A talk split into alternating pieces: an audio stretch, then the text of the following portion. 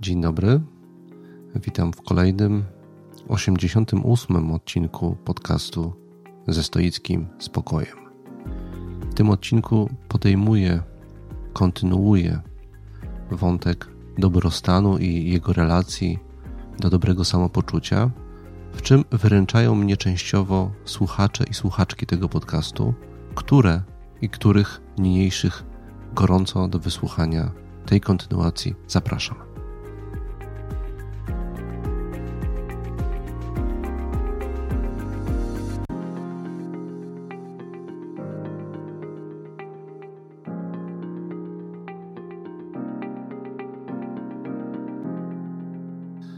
Chciałbym zacząć dzisiaj od podzielenia się y, czymś krótkim. Nagrywam ten odcinek podcastu w wyjątkowo piękny, przedwiosenny poranek.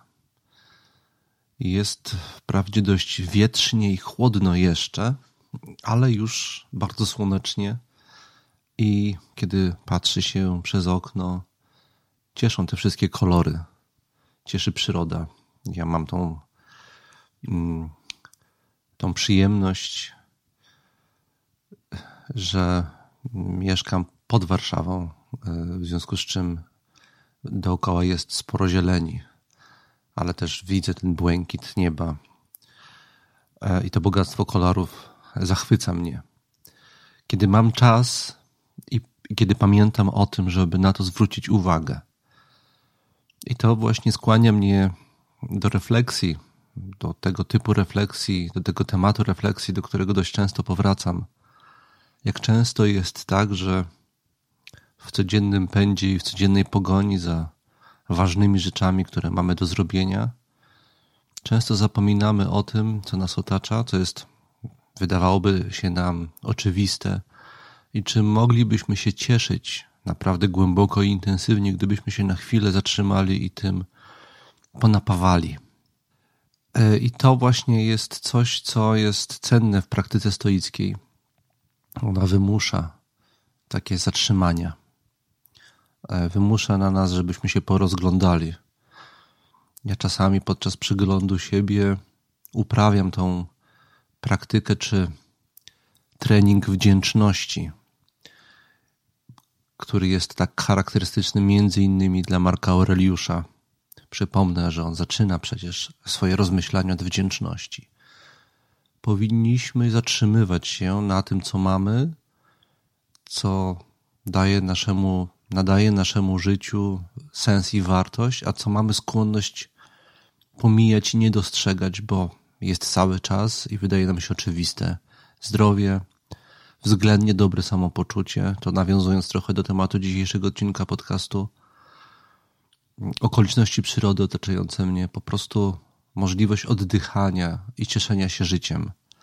Te rzeczy są cały czas dookoła nas. W niektóre dni jakoś bardziej intensywnie mogą do nas dotrzeć, ale musimy tą ich intensywność zobaczyć i pochwycić. Więc życzę Wam tego i zachęcam Was do tego, żebyście się zatrzymywali. Kiedyś przed wieloma laty byłem fanem takiego serialu telewizyjnego Dexter. Serial jest dość mroczny, bo opowiada o seryjnym mordercy, który zabija tylko przestępców. Ma taki kodeks. Tym niemniej y, odczuwa przymus tego zabijania. Taki psychopatyczny przymus tego zabijania. Przypomniał mi się w tym kontekście Dexter. Wydawałoby się, że to jest jakaś drastyczna zmiana tematu, ale poczekajcie, zaraz będzie puenta. Przypomniał mi się dlatego, że on czasami, kiedy ma te dni, kiedy wyrusza na łowy, to zaczynał od te, te łowy od takiego powiedzenia. Zresztą pierwszy odcinek podcastu, przepraszam, pierwszy odcinek serialu Dexter zaczyna się właśnie od tego. Zaczyna od takiego sformułowania Tonight is the night. Dzisiaj jest ta noc.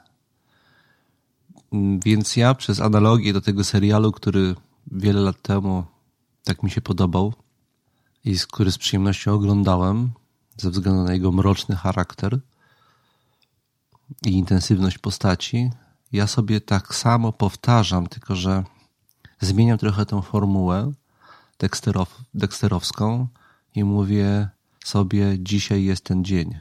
Dzisiaj jest ten dzień, w którym będę się starał cieszyć każdą chwilą, robiąc to, co jest dla mnie ważne i to, co sprawia mi satysfakcję. Starając się wyszukać i mieć pełną świadomość tych ważnych rzeczy, które dzisiaj mam do zrobienia i skupić się na tym, czy nie na tym, czy je uda mi się zrealizować do końca, tylko na tym, że je robię i że robienie ich sprawia mi satysfakcję. I tak sobie mówię od rana. Dzisiaj jest ten dzień. Dzisiaj jest ten dzień, gdzie, którego będę się cieszył każdą chwilą. A jeszcze wracając trochę do seriali, to jeszcze jedną rzeczą chciałem się podzielić, tytułem tego wstępu do dzisiejszego odcinka, dygresyjnego wstępu. Chciałem się podzielić też tym, że ostatnio mam problem z oglądaniem seriali. Od jakiegoś czasu próbuję zacząć oglądać jakiś serial i szybko się męczę. Dawniej miałem taki okres w ogóle, że dość dużo różnych seriali oglądałem e, i to był dla mnie jakoś, jak, tak jak dla wielu osób, z tego co wiem, odpoczynek po, po długim, ciężkim dniu pracy. W ten, w ten sposób się relaksowałem. Włączałem sobie wieczorem jeden, dwa odcinki pod jakiegoś, jakiegoś, jakiegoś, jakiegoś serialu, który mi przypadł do gustu. Ostatnio mam z tym problem. Ciężko mi jest się wciągnąć w jakikolwiek serial zaczyna mi y, szybko rezygnuje. Mm, I zastanawiam się, z czego to się bierze i jaki to ma związek z moją praktyką stoicką. Czy mógłbym mieć, mógłbym przypisać winę tego, te, tego stanu rzeczy właśnie praktyce stoickiej? I do pewnego stopnia chyba tak. Powód, dla którego się zniechęcam i dla którego nużą mnie seriale, oprócz ich pewnej schematyczności, ale kiedy szukamy wytchnienia wieczornego, to ta schematyczność tak bardzo mi przeszkadza. Właściwie jest to coś pożądanego dla wielu osób. Schemat daje wytchnienie.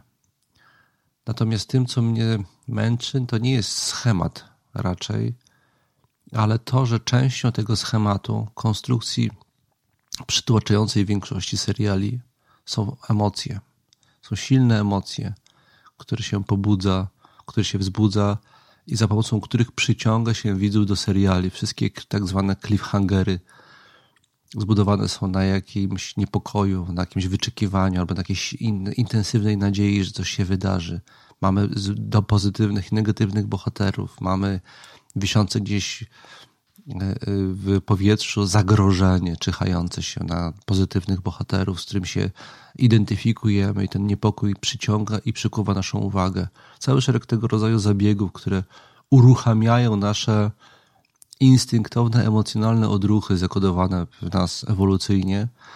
To jest podstawowy mechanizm konstruowania większości seriali. To mnie męczy. Ja czuję dyskomfort, kiedy czuję, że ktoś mną w ten sposób próbuje manipulować czy rozgrywać. I wtedy się męczę i wyłączam taki, taki serial. Ciekaw jestem, czy też tak macie, że na skutek praktyki stoickiej nuży was oglądanie seriali, no, a może nawet nie nuży, co czujecie dyskomfort, bo chyba to jest to właściwe uczucie, które czuję. Kiedy oglądam, jestem już w połowie odcinka pierwszego czy drugiego e, i czuję, że jakoś jest mi niewygodnie w tym doświadczeniu, że ja nie chcę, żeby ktoś mnie straszył, podniecał i w ten sposób przyciągał moją uwagę. E, nie odpowiada mi to. E, to jest moja refleksja, od której chcę zacząć, a teraz przejdę już do właściwego tematu dzisiejszego odcinka podcastu.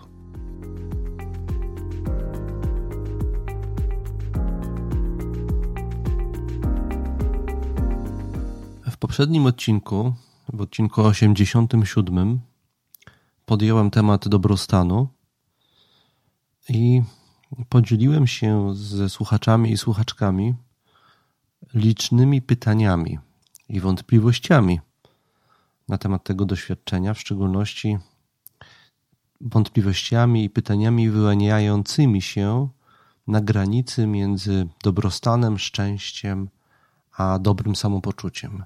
Jak mają się do siebie te trzy stany rzeczy. Poprosiłem słuchaczy i słuchaczki o podzielenie się ze mną ich refleksjami na ten temat i zaplanowałem sobie, że dzisiaj, w dzisiejszym odcinku podcastu kilka takich refleksji przeczytam, przedstawię i skomentuję. Taki był plan i on się powiódł. Dostałem kilkanaście bardzo interesujących listów.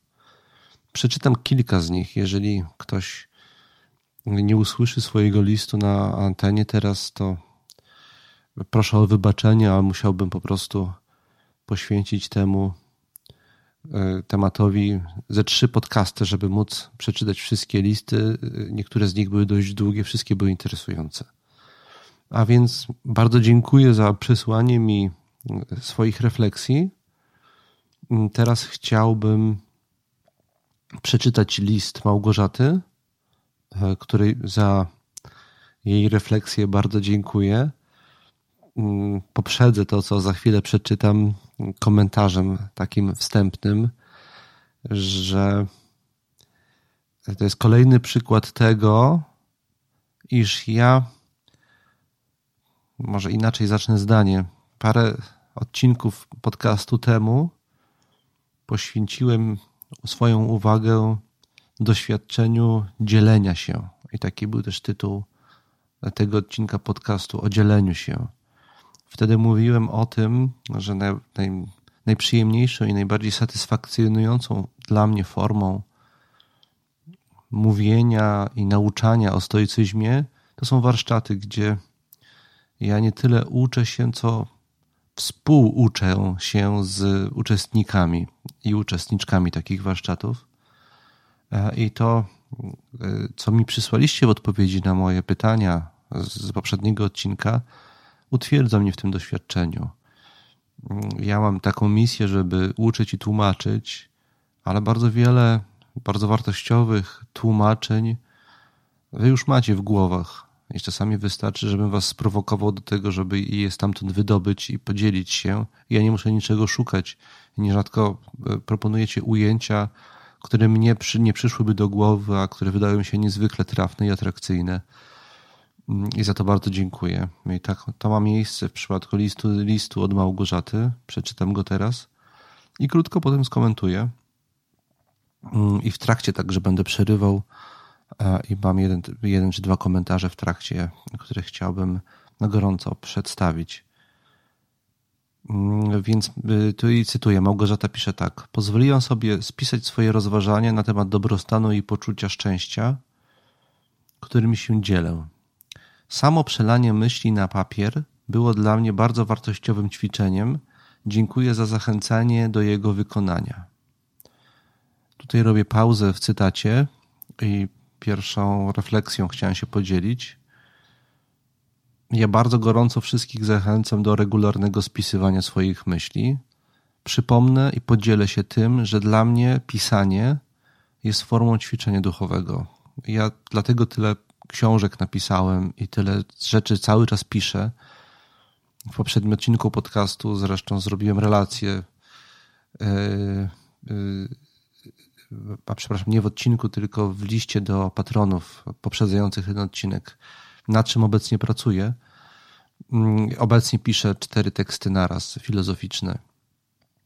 Mm, I to nie jest konsekwencja jakiegoś chaosu czy kompulsji, tylko jest to dla mnie forma ćwiczenia. Ja pisząc układam sobie w głowie rzeczy, które gdzieś tam we mnie kiełkowały, dzięki pisaniu rozwijają się i ukazują swoje pełne oblicze. Ja, ja dzięki temu wydobywam na wierzch, lepiej rozumiem pewne doświadczenia. I bardzo gorąco do tego zachęcam. Wszyscy, których znam że, o których wiem, że, że piszą, e, oni mają bardzo podobne doświadczenia. Często na początku e, napotykamy opór, to jest jakoś niewygodne. E, nie dla wszystkich jest to naturalna forma kontaktu ze sobą, bo chyba tak można powiedzieć. Tym, tym bardziej i tym niemniej gorąco do tego zachęcam. Po przepokonaniu pewnej trudności początkowo, a nawet po wynudzeniu się na początku. Bywa tak, że czasami się na początku nudzimy, bo nic nam nie przychodzi do głowy. Trzeba to przetrwać. Jak zaczynamy to spisywać, kiedy napotykamy jakieś ważne pytanie w sobie i próbujemy sobie sami na nie odpowiedzieć pisemnie, to potrafi być bardzo satysfakcjonujące doświadczenie. Można to robić w formie jakiegoś prywatnego dziennika stoickiego i sobie go prowadzić i pisać i nad nim medytować w ramach porannego przeglądu siebie. Jest to bardzo atrakcyjna formuła pracy nad sobą. I, I Małgorzata, która tutaj do mnie napisała, potwierdziła to we wstępie swojego listu i tym stąd z tego miejsca siedząc teraz chciałem zachęcić cię, żeby kontynuowała tą pracę. Y, koniec pauzy i y, wracam do lektury listu słuchaczki. Y, cytuję dalej. Dobrostan wydaje mi się być znacznie szerszym i bardziej trwałym pojęciem, aniżeli poczucie szczęścia, które postrzegam jako jeden z elementów budujących dobrostan i jednocześnie rodzących się z dobrostanu. Dobrostan traktuję jako stan od nas zależny, jako wynik ciągłej pracy nad sobą i ze sobą, co nas do niego prowadzi. Świadomość siebie, swoich potrzeb, wartości i celów i ku nim podążanie. Jak? Dbając o siebie, żyjąc według zasad, jakie akceptujemy, otaczając się ludźmi, na jakich nam zależy, pracując nad swoim nastawieniem i reakcjami. Dobrostanu nie osiągamy raz na zawsze. To nie szczyt do zdobycia, to ciągła droga po grani, która wymaga wysiłku, ale odwdzięcza się poczuciem pewności, że zmierzamy w dobrym kierunku, poczuciem harmonii, wewnętrznego spokoju, bezpieczeństwa i energii. A jak się ma szczęście wobec dobrostanu? Dobrostan to stan, a szczęście jest uczuciem wyjątkowym, lecz mniej trwałym. Szczęście to uczucie wielkiego zadowolenia jako wynik wyjątkowej sytuacji, jaka nas spotyka, na przykład narodzin dziecka, przebiegnięcia maratonu, dobrze zrealizowanego projektu w pracy czy bycia uratowanym z opresji. Szczęście ma wiele wymiarów, między innymi wymiar zależny i niezależny od nas. Tak jak wspomniałam, poczucie szczęścia może nam dobudowywać cegiełkę do poczucia dobrostanu, ale może być też jego wynikiem. Na przykład podążając za swoimi wartościami, osiągamy pewien punkt, który rodzi wyjątkową sytuację i wyzwala poczucie szczęścia. Pytanie: czy człowieka, który osiągnął dobrostan, nie dosięgnie już trud życia? Myślę, że nie. Przecież życie każdego to sinusoida.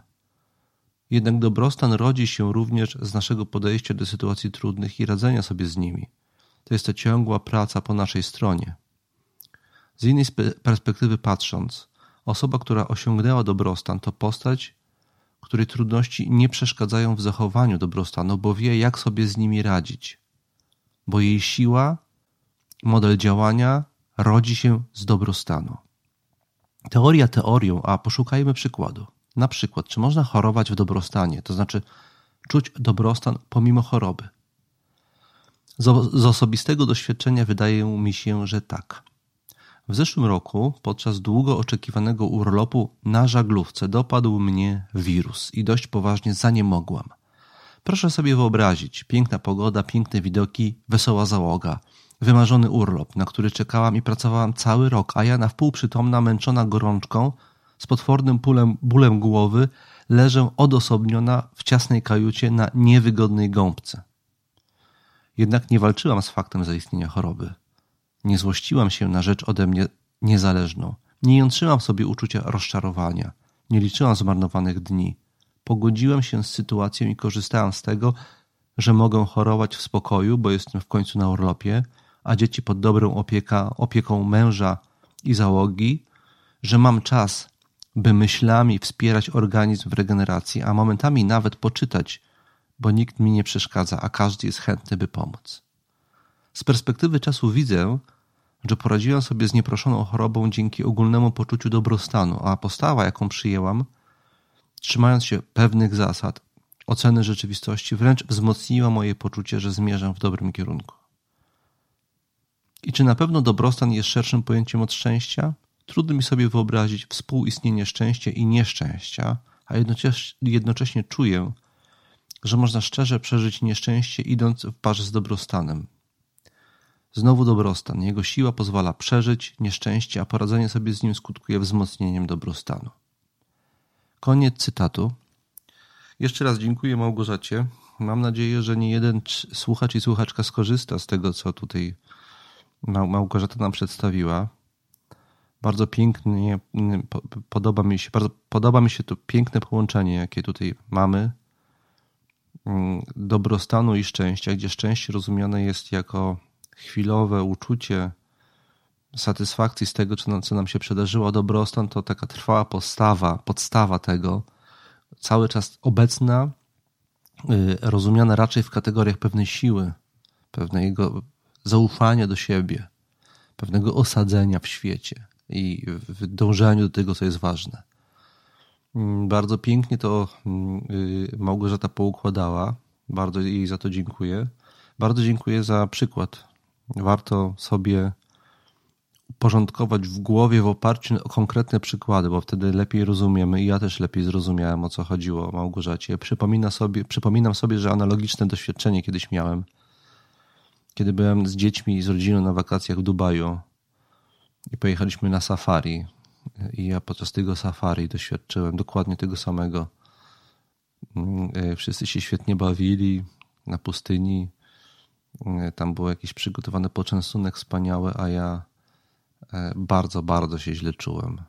Miałem 40 stopni gorączki. Potem przez trzy dni leżałem jeszcze w łóżku.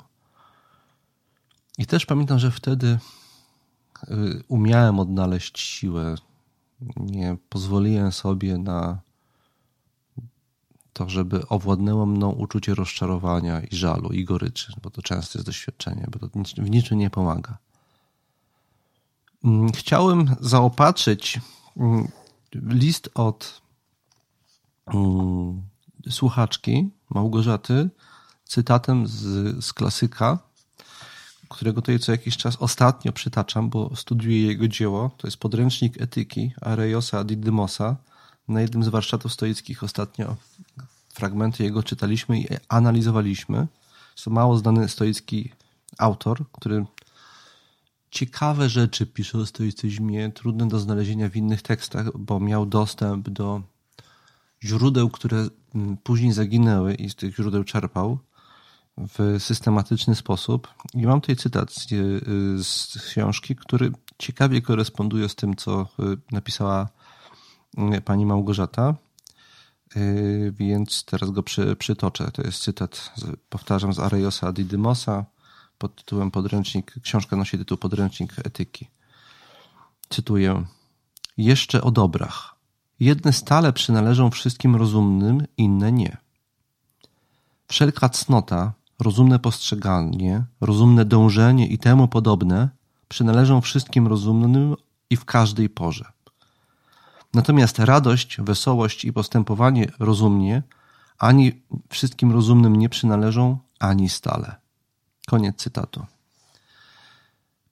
Przez cnotę i postępowanie rozumne, jako coś trwale nam towarzyszącego, ja rozumiem między innymi właśnie dobrostan bo to jest bycie w posiadaniu pewnego dobra.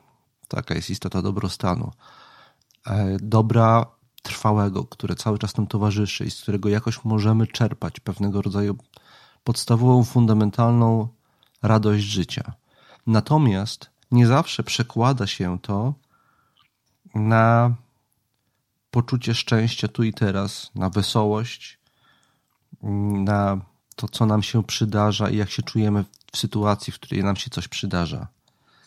To są raczej przygodne stany. I dokładnie o tym pisała pani Małgorzata, że możemy na głębszym poziomie czuć dobrostan, że jest nam w życiu dobrze i z tego czerpać pewną głęboką satysfakcję, tak jak się czerpie satysfakcję ze zdrowia. Zacząłem dzisiaj podcast o dygresji na temat tego, że jest mi dobrze, że siedzę sobie rano, jest piękna pogoda, jest mi przyjemnie i to jest ten taki podstawowy dobrostan. Natomiast ja nawet jakby coś przykrego mnie spotkało na moment, e, co mogłoby zaburzyć moje samopoczucie, to tak długo jak jestem jakoś w tym dobrostanie zakorzeniony, w poczuciu bycia zdrowym tu i teraz i w miarę spełnionym, tak długo to mnie nie wytrąci z równowagi.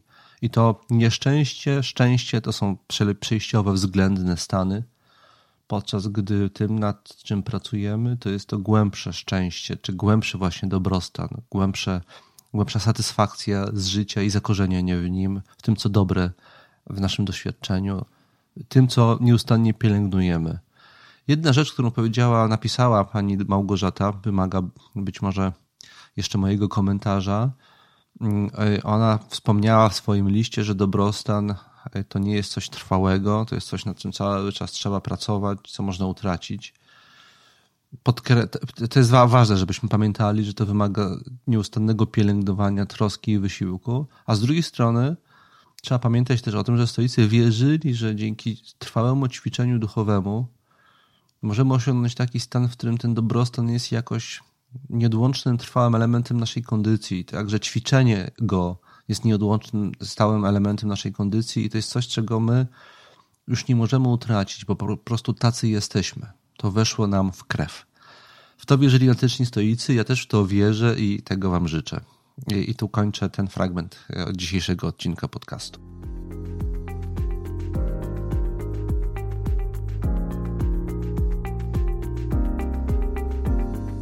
Przechodzę do lektury drugiego z listów, jakie otrzymałem w sprawie dobrostanu od słuchaczy i słuchaczek. Tym razem jest to list od pani Eli, którą już tutaj ostatnio cytowałem. Jej list poprzedzony jest zabawnym, humorystycznym komentarzem. Zacytuję najpierw ten komentarz. Jak na moje filozoficzne umiejętności, zadanie jest zbyt trudne. Odpowiem na zadane pytania i ograniczę się do analizy jednego cytatu. Gdyby nie tekst o czterech potwierdzeniach, załamałabym się pojęciem natury. Zresztą już się kiedyś żaliłam w tej sprawie. Y, to jest prawda i to jest cenny komentarz, że stoicy operują słownikiem filozoficznym w sposób y, dla niektórych czytelników frustrujący. Jest tak z wielu powodów. Gdybyśmy się mieli ograniczyć wyłącznie do studiów filozofii Chryzypa i gdyby ta filozofia w całości przetrwała, mielibyśmy znacznie mniejszy zamęt pojęciowy dzisiaj, jeżeli chodzi o filozofię stoicką, bo on dąży do tego, żeby to uporządkować. Tymczasem te teksty nie przetrwały. Stoicy późniejsi po Chryzypie używają pojęć w sposób często niejasny, nieostry, nie definiują ich, mając poczucie, że one są zdefiniowane u Chryzypa, w związku z tym nie potrzebują ich definiować, a my Chryzypa dzisiaj nie mamy. E, do tego, często, do tego często pisali w, sposób dość publicystyczno-retoryczny. To dotyczy Seneki na przykład. Albo dla siebie to dotyczy Marka Aureliusza. Albo w ferworze pogadanki dydaktycznej to dotyczy Epikteta, gdzie nie ma przestrzeni na to, żeby precyzyjnie definiować pojęcia. Często w związku z tym, kiedy używają takich terminów jak natura i my to dzisiaj czytamy, to może znaczyć tak wiele różnych rzeczy, że się można w tym pogubić. Ja w moich tekstach czasami próbuję coś doprecyzować i pokazać głębszy sens terminów używanych przez stoików i tutaj jednym z tych tekstów to jest tekst, nad którym obecnie pracuję i podesłałem fragmenty tego tekstu patronom i patronkom. To jest tekst pod tytułem o czterech potwierdzeniach. Tam faktycznie pewne wyjaśnienia się pojawiają. Więc dziękuję i potwierdzam jednocześnie Elu, że ja dalej nad tym tekstem pracuję i jakieś bardziej rozbudowane fragmenty niedługo Wam wyślę. Zacytuję teraz fragment dalszej części listu słuchaczki. Y, to jest odpowiedź na pytanie, jaka między tymi terminami zachodzi zależność, terminami, które przedstawiłem w poprzednim odcinku podcastu. Cytuję. Szczęście, dobrostan, dobre samopoczucie to według mnie konstrukty teoretyczne, nie mające charakteru egalitarnego. Są specyficzne dla każdego z osobna, bo uzależnione od wyznawanych wartości, ale jak sądzę, mogę, ale nie mus, mogą, ale nie muszą być wspólne. Szczęście rozumiem potrójnie. Po pierwsze, jako szczęśliwy przypadek traw, po drugie, jako ideę zadowolenia z życia, poprzedzoną ewentualnie bilansem, a więc i namysłem. Po trzecie, jako przepełniające chwilowo niestety uczucie, euforia na skutek czegoś. Dobrostan to chyba mniej niż szczęście rozumiane jako zadowolenie z życia, więcej niż dobre samopoczucie. To dobry stan życiowej sytuacji, w miarę stabilny, bez czyhających zagrożeń dla egzystencji z ograniczonymi możliwościami do udźwignięcia. Nie do końca niestety zależny ode mnie ten dobrostan, ale jednak stanowiący podstawę dla mojego dobrego samopoczucia. To jak gleba, która nie daje gwarancji zakiełkowania nasiona, ale bez niej nie stanie się to na pewno. Dobre samopoczucie jest wtedy, gdy czuję się dobrze, po pierwsze fizycznie, po drugie psychicznie. Chodzi o spokój w umyśle. Zaryzykuję takie podsumowanie. Dobrostan i dobre samopoczucie, przenikają się i jeśli chcę dobrze żyć, to szczęścia bym do tego nie mieszała. Koniec cytatu. Mm, po pierwsze, chciałem zwrócić uwagę na to, że te terminy nie mają i nigdy prawdopodobnie nie będą miały w codziennym naszym językowym uzusie ścisłych znaczeń. I to jest coś, na co na początku zwróciła uwagę słuchaczka, i to jest prawda. Każdy z nas na swoje własne potrzeby musi sobie to uporządkować i się tego trzymać i nie oczekiwać, że inni będą to rozumieli tak samo, bo nie będą, bo język akurat w, tych, w tym obszarze jest bardzo wieloznaczny, plastyczny, ciągle się zmieniający. W związku z tym, jeśli z kimś o, rozmawiamy o takich tematach, to warto y, w punkcie wyjścia na wstępie doprecyzować, co mamy na myśli. I też widzimy, że ty, słuchaczka trochę inaczej rozumie te wyjściowe terminy, y, inaczej niż, niż pani Małgorzata, poprzednia słuchaczka. Na jedną rzecz chciałem także zwrócić uwagę, o ile tutaj w, poprzednim liście słuchaczka skoncentrowała się na dwóch terminach. Szczęściu, które rozumiała trochę blisko znacznie do, mm, do uczucia, e, do stanu dobrego samopoczucia z, z jakiegoś powodu. O tyle tutaj te terminy są przez słuchaczkę rozróżnione i stan samopoczucia jest jakoś powiązany z dobrostanem, natomiast szczęście jest czymś, jak to e, słuchaczka podsumowała, e, z czym tamtych dwóch stanów lepiej nie mieszać. To jest bardzo cenny motyw i wątek, dziękuję za niego. E, e, motyw wskazujący na to, że ze szczęściem, z uczuciem szczęścia i związanym z nim stanem czasami euforii, takiego intensywnego zadowolenia z czegoś, należy obchodzić się raczej ostrożnie, z dystansem, jako czymś, co jest bardzo względne, kapryśne, chimeryczne, i mogące nas ze sobą pociągnąć w niebezpieczny sposób. Euforia bywa zdradliwa i należy do niej podchodzić z dystansem. I taki zdrowy dystans to jest coś, co stoik wykształca, ale robi to, żeby ochronić swój dobrostan. A więc między szczęściem a dobrostanem może być taka relacja mm, trochę wojownicza, powiedziałbym.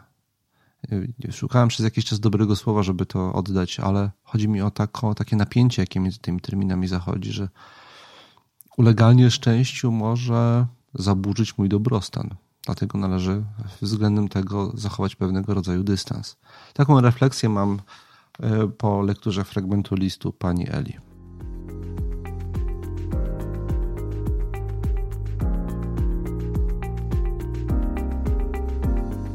przeglądam dalej moją korespondencję i między innymi napotykam na list od Piotra, który tutaj przytoczę teraz, a następnie krótko skomentuję. Cytuję list od Piotra. Zgodnie z moją analityczną naturą postanowiłem sprawdzić w Wikipedii i słownikach, również obcojęzycznych, jak definiowane są podane przez Ciebie terminy. Dobre samopoczucie, dobrostan i szczęście to słowa, które w różnych źródłach są definiowane niemal jak synonimy. Na swój użytek, aby móc oddzielić pewne stany bądź uczucia od innych poprzez nazwanie ich, zastosuję następujące rozróżnienie. Po pierwsze, szczęście ma dwa, dwie rozdzielne definicje. Może być albo pozytywnym, odczuwanym, stan, odczuwanym stanem wiążącym się z szeroko rozumianym dobrostanem, albo sytuacją, w której jednostce sprzyjają okoliczności i niezależne od niej czynniki zewnętrzne. Dobrostan dzieli się na fizyczny i psychiczny, które to sfery nie są od siebie w pełni zależne, ale mogą na siebie wpływać. Y, I jako taki jest stanem w dużej części mierzalnym, ale do pewnego stopnia subiektywnym, zwłaszcza jeśli chodzi o dobrostan psychiczny. Następnie dobre samopoczucie jest stanem subiektywnym, odczuwanym bądź nieodczuwanym na poziomie nieświadomym, ale raczej postrzegam je jako stan krótkotrwały, podatny na zmiany i wahania, podczas gdy dobrostan rozumiem jako stan zależny od czynników, które nie ulegają zmianie w krótkim okresie. Mamy więc trzy nie do końca zdefiniowane i odróżnialne pojęcia, a rozważania na ten temat prowadziłyby mnie do jeszcze jednego pojęcia spełnienia. Aby przejść dalej w moich rozważaniach, chciałbym rozwinąć to, jak definiuję i dzielę dobrostan na fizyczny i psychiczny. Dobrostan fizyczny w różnych miejscach na świecie i w różnych czasach będzie definiowany inaczej, jednak w dużej mierze jest mierzalny i rozumiany intuicyjnie. Dla wielu ludzi dach nad głową, dostęp do wody i żywności oraz opieki medycznej, która zapewni ochronę przed dotkliwymi i przewlekłymi chorobami oraz brak tychże chorób będzie spełniać szeroką definicję dobrostanu fizycznego. Dobrostan psychiczny jest w dużo większym stopniu stanem subiektywnym i zależnym od jednostki. Kluczową rolę odgrywają tu aspiracje oraz spełnienie, które dla wielu ludzi mogą oznaczać zupełnie różne rzeczy. Chciałbym tutaj wprowadzić pewną dygresję. Zgodnie z moim stanem wiedzy o świecie zwierząt, nie będących ludźmi, każda istota poszukuje własnej niszy ekologicznej, a znalezienie tejże niszy oraz zapewnienie przetrwania gatunku powoduje, że istoty nie dążą do dalszej poprawy swojego położenia. Może to być pewna analogia do osiągnięcia stanu spełnienia dla istot nie będących ludźmi. W odróżnieniu od reszty świata zwierząt, pragnienia człowieka zdają się jednak być nieskończone, a zdobycie warunków, które wcześniej określałyby to, co jednostka nazywałaby komfortem i oczekiwanym standardem życia, rzadko powstrzymują jednostkę od podejmowania działań do dalszej poprawy życia. Jest to niejako wytwór kultury i przemian cywilizacyjnych, zwłaszcza w kontekście posiadania dóbr materialnych, przede wszystkim pieniędzy, oraz dzierżenia formalnej bądź nieformalnej władzy. Wydaje się, że generalnie trudno o to, żeby pragnienia człowieka mogły być zaspokojone, jeżeli nie jest on refleksyjny i nie pracuje nad tym, aby mieć wpływ na to, czego pragnie. Stan dobrostanu rozumiany jako wolność od bólu, zarówno fizycznego, jak i psychicznego, również nie jest pojęciem, które daje się łatwo określić, zwłaszcza w kontekście bólu i cierpienia psychicznego. Nawet jeśli będziemy odczuwać zadowolenie z naszego życia społecznego, rodzinnego i zawodowego, prawdopodobnie nie będziemy w pełni wolni od bólu psychicznego. Nawet jeśli naszym bliskim również będzie się potocznie mówiąc dobrze wieść, to również nie chroni przed bólem psychicznym. Ludzi generalnie i praktykujących stoików zwłaszcza cechuje empatia i współodczuwanie oraz często poczucie troski i odpowiedzialności za szeroko rozumiane dobro społeczne. Często nie jest to tylko dobro społeczne, bo te odczucia mogą rozciągać się ponad nasze społeczności oraz nawet na istoty nie będące ludźmi, np. zwierzęta czy przyrodę. Jeżeli na świecie dzieje się krzywda i niesprawiedliwość, trudno, aby człowiek, a zwłaszcza aspirujący stojek, mógł odczuwać spełnienie i wolność od bólu psychicznego. Nie chciałbym tutaj odwoływać się do argumentów takich jak zmiany klimatyczne czy wojna w Ukrainie, bo te zjawiska nie są bezprecedensowe i tak naprawdę zwłaszcza na świecie było i będzie się dział ogrom krzywd, cierpienia i niesprawiedliwości, na które dobry człowiek, a stoik zwłaszcza, nie może być obojętny i nieczuły. Różne było natężenie tych zjawisk i myślę, że można racjonalnie zakładać, że będą one ulegać poprawie, ale zmianie ulegać będzie też nasza percepcja tych zjawisk. Z podanym przez Ciebie cytatem Spinozy dobrze koresponduje w moim mniemaniu buddyjska mądrość, wedle której to nasze pragnienia są źródłem naszych cierpień. Nasze pragnienia i przedmioty, które otaczamy miłością, mogą być źródłem spełnienia, ale mogą okazać się dla nas toksyczne. Jednocześnie, wracając do myśli z poprzedniego akapitu, nasze cierpienia to zakłócenie naszego pełnego dobrostanu psychicznego. Łącząc te dwie myśli, wydaje mi się, że mamy do czynienia z pewnym paradoksem. Aby osiągnąć dobrostan psychiczny, musimy dążyć do dopuszczenia i zaakceptowania pewnej dawki bólu psychicznego jako czegoś, co jest niezależne od nas, ale również jest czymś, co powinniśmy traktować jako integralną część życia. Nie jestem pewien, czy to właściwe porównanie, ale przychodzi mi do głowy następująca analogia, podobna do tej, którą poruszyłeś w odcinku. Przy bieganiu bądź innym wysiłku fizycznym należy zaakceptować zmęczenie mięśniowe jako integralną część tego wysiłku, jako coś, bez czego ta aktywność jest pozbawiona sensu i prowadzi do założonego celu. I nie prowadzi do założonego celu. Tak samo ból psychiczny, powracające co jakiś czas poczucie pustki bądź bezsilności wydaje się być czymś, co czyni z nas ludzi, istoty czujące i współczujące.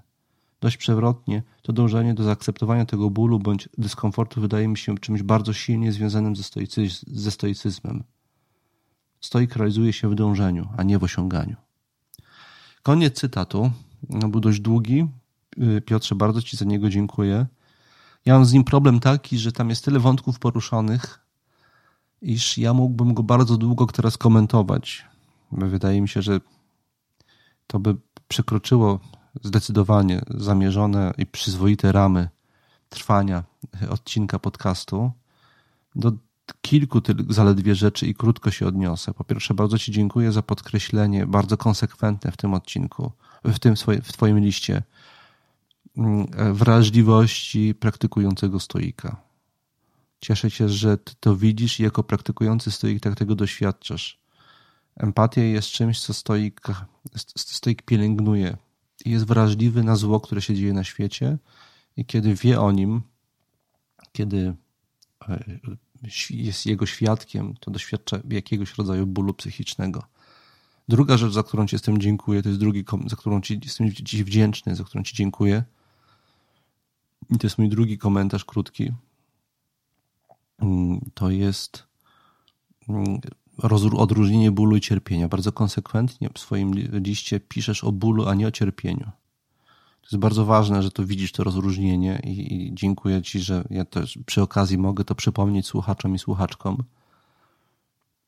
Y, my mamy skłonność do tego, żeby nie odróżniać tych rzeczy. E, I cierpimy, bo nas boli.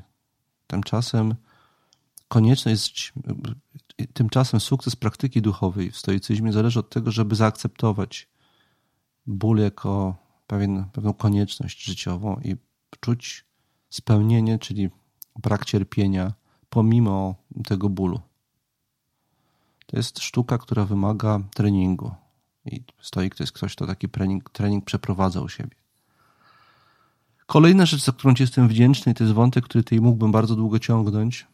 To jest ta analogia do świata natury i do funkcjonowania w, w niszach ekologicznych, czy w jakimś pewnego rodzaju optimum.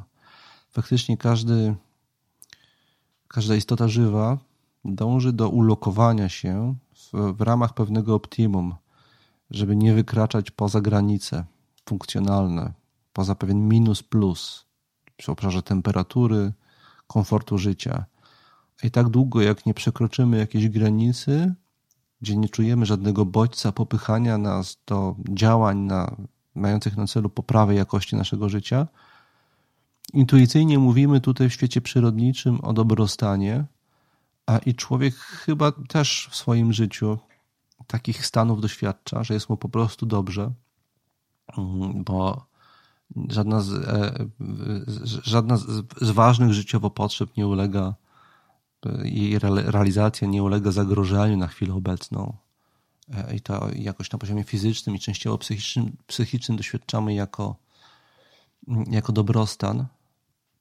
Natomiast to, na co zwróciłeś uwagę, tym, co nas odróżnia od e, świata przyrody, to jest, ja użyję słowa, którego bym w tym kontekście dodał, które bym w tym kontekście dodał, to jest wyobraźnia. Wyobrażamy sobie, że może być nam lepiej niż jest. Mm, dlatego, pomimo tego, że jest nam dobrze, dążymy do czegoś więcej i przez to przestaje nam być dobrze. Na tym polega paradoks, na który bardzo słusznie zwróciłeś uwagę.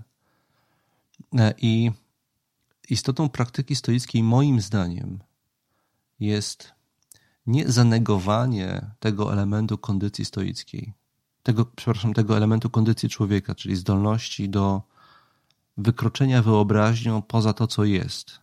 To jest zdolność typowo ludzka. Wydaje mi się, że stoicy umieją sobie wyobrażać, że może być lepiej, i to jest obszar, w którym są lokowane wartości. Wartość to jest po prostu wyobrażenie jakiegoś stanu rzeczy lepszego niż jest. i ja do tego stanu dążę. Ale razem z, tym, z tą zdolnością wyobrażenia mogą, ale nie muszą iść emocje. I tym, co robią stoicy, moim zdaniem, i dlatego pozostają w niszy dobrostanu i ćwiczą pozostawanie w niszy dobrostanu, to jest odłączenie pragnienia od wartości. Ja dążę do realizacji wartości i w samym dążeniu się realizuję, ale nie pragnę zrealizowania tych wartości, bo pragnienie uruchamia niepokój i ja niepokój wy, wy, wy, wyrzucam je z niszy. Tutaj leży ta różnica i to jest ten obszar, na którym się koncentrują stoicy i dzięki czemu są w stanie pozostać w obszarze dobrostanu. Zdefiniuj swoje wartości, realizuj je, zrozum, że samo realizowanie jest obszarem twojej niszy, a nie zrealizowanie. To jest mój komentarz do twojego listu, za który bardzo pięknie dziękuję.